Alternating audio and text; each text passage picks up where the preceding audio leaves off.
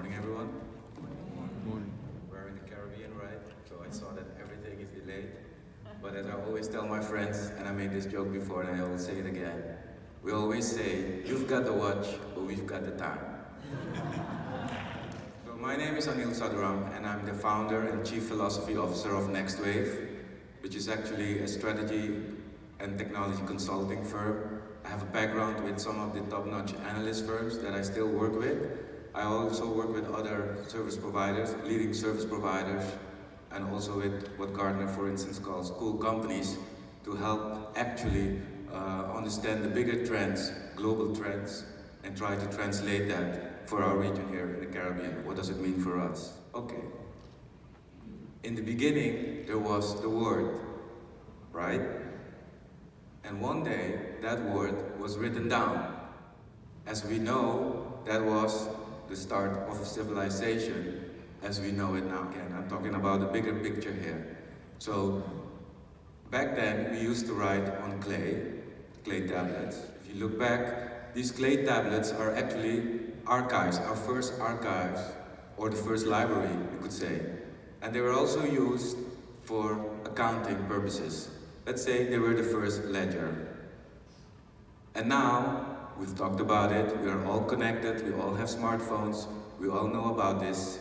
We all write, as a matter of speech, into the clouds. So all our information is over there. So, with the rise of the smart cities, with the dawn of the smart cities, where everything will be connected, we're gonna break barriers, we're gonna connect countries with each other, we will need next levels of cybersecurity and cyber trust. Actually, what we will need is a smart city operating system. So the big question is, how do you trust online? Right? This cartoon, can't see it completely on the screen, but it's an old cartoon that's you know, been there since the beginning of the internet, which actually says, on the internet, nobody knows you're a dog. It's still true. And we live in a time, you know, interesting times, with the introduction of alternative facts or fake facts. So who to trust? To make things worse, technology is exponential. I didn't say exponential, I said exponential.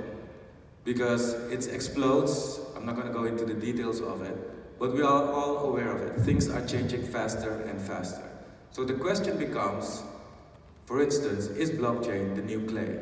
What I try to say with this is, with the rise of the smart cities, as we compare it with the rise of the old cities, back then they had the clay tablets.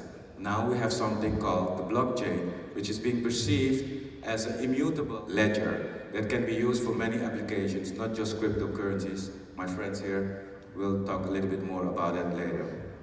I'm not necessarily a blockchain evangelist, so the position that I'm trying to take as a chief philosophy officer is ask the right questions.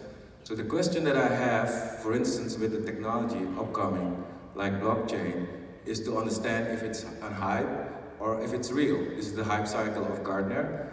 A lot of technologies are being uh, are coming out of labs, uh, out of the universities, and they create a buzz. They create a trigger.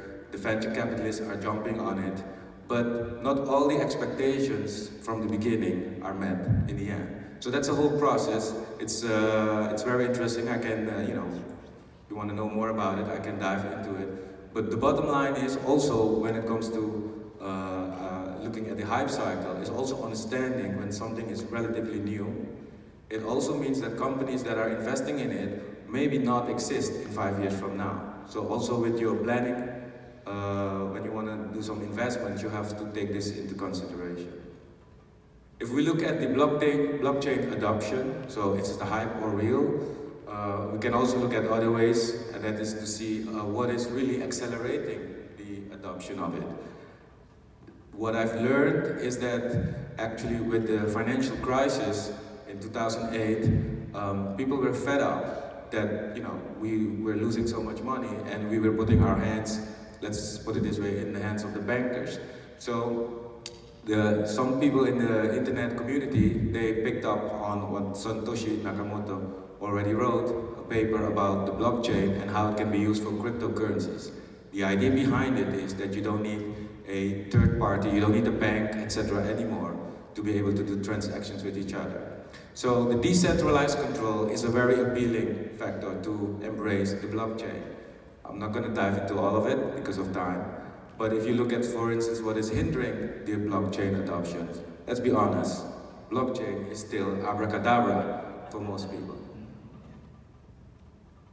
But even though it's abracadabra, it's still something that is, you know, being pushed.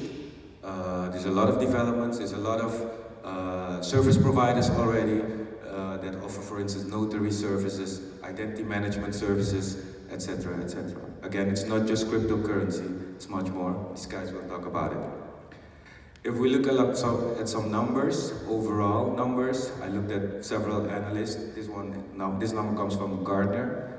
Um, the numbers that you are seeing here are not necessarily associated with the blockchain technology only, but the impact that the blockchain will have on the industry as a whole. These numbers are, you know, you cannot conceive them. I mean, trillion, how do you conceive what it means? But let's say in five years' time from now, we will see, most probably, a lot of mature blockchain applications.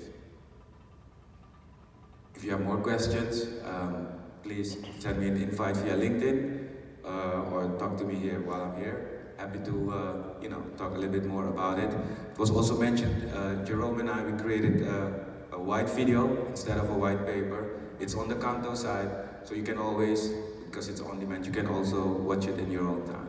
Thank you.